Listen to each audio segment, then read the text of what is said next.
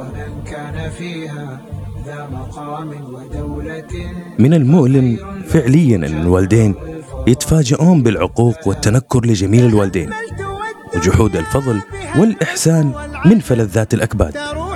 وهذا وقع عليهم قاسي على نفوسهم وقد إيش مرارته على قلوبهم.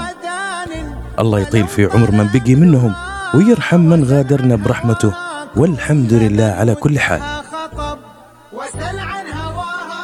من قناة القهوة السوداء. الله يحييكم. فاهلا وسهلا بالجميع. ولا تنسى الاشتراك في القناة والإعجاب وتفعيل الجرس ليصلك كل جديد. أحداث هذه القصة حصلت في نابلس في فلسطين ويمكن عمرها أكثر من أربعين سنة. مجموعة طلبة من جامعة النجاح في نابلس وعندهم مجلة محطوطة على حائط وهي مجلة جامعية. سمعوا عن معمر في منطقة الخليل. وفي وقت القصة كان عمر هذا المعمر لك أن تتخيل 120 سنة. ولو حسبناها حسبة سريعة يمكن مولود قبل الحرب العالمية الأولى بحوالي 60 سنة. فحب الطلاب إنهم يقابلونه عشان مجلتهم الجامعية. راحوا مجموعة من الطلاب من نابلس إلى الخليل وجلسوا معاه وتكلموا ودردشوا في أشياء كثيرة. ويعتبر بالنسبة لهم كنز لأنه ما شاء الله بصحته ووعيه وقتها. ولما انتهوا معاه وبيروحون واحد من الطلاب سأل المعمر سؤال قبل يمشون وكأنه إلهام من الله سبحانه.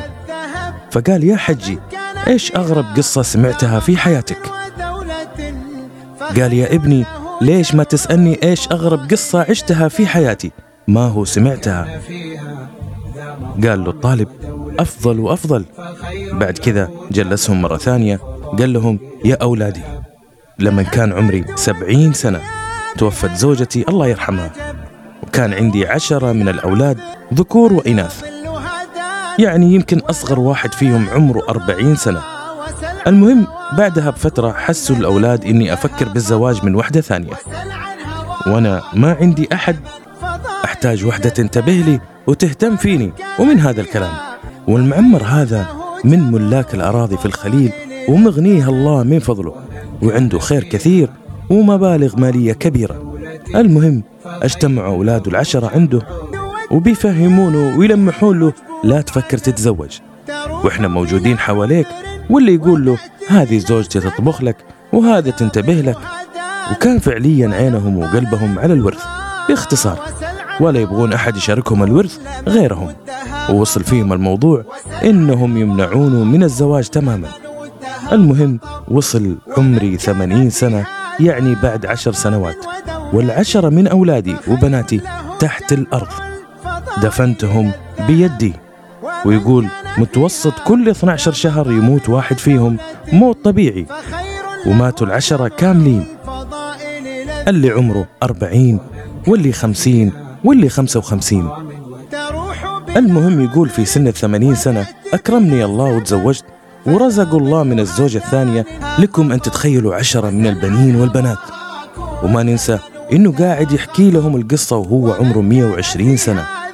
يعني أكبر أولاده إذا خلف أول ما تزوج عمره حوالي 40 سنة من الزوجة الثانية. يعني بعد 40 سنة من وفاة العشرة من الزوجة الأولى. لكم أن تتخيلوا هذول اللي منعوا أبوهم من الزواج بحجة الورث في النهاية المال أمانة. والله ما في أحد يستحق إن نحرك له حجرة صغيرة لكن الوالدين يستحقون نرفع لهم الجبال ومع هذا ما نوفي لهم حقهم.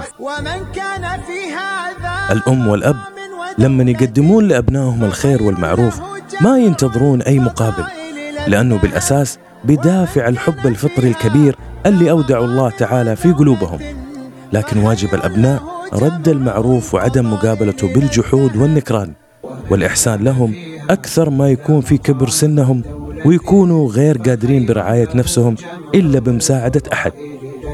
طاعة الوالدين باب من أبواب الجنة. والله سبحانه وتعالى أعد لمن يبر والديه جنات عرضها السماوات والأرض. لأنه رضا الله تعالى من رضا الوالدين ولا يدخل الجنة عاق لوالديه وبر الوالدين من صفات المؤمنين الذين أدوا حق الله تعالى ورسوله. واللي يؤدي حق الوالدين لا بد أن يؤدي حق الله تعالى. من برنامج وقفات وتأملات سراج الإرشاد في تربية الأولاد للشيخ التميري آل إدريس. كان معكم صالح بن عبد الله من قناة القهوة السوداء. كونوا بخير. في أمان الله. ومن كان فيها ذا مقام ودولة فخير له جمع الفضائل إلى الذهب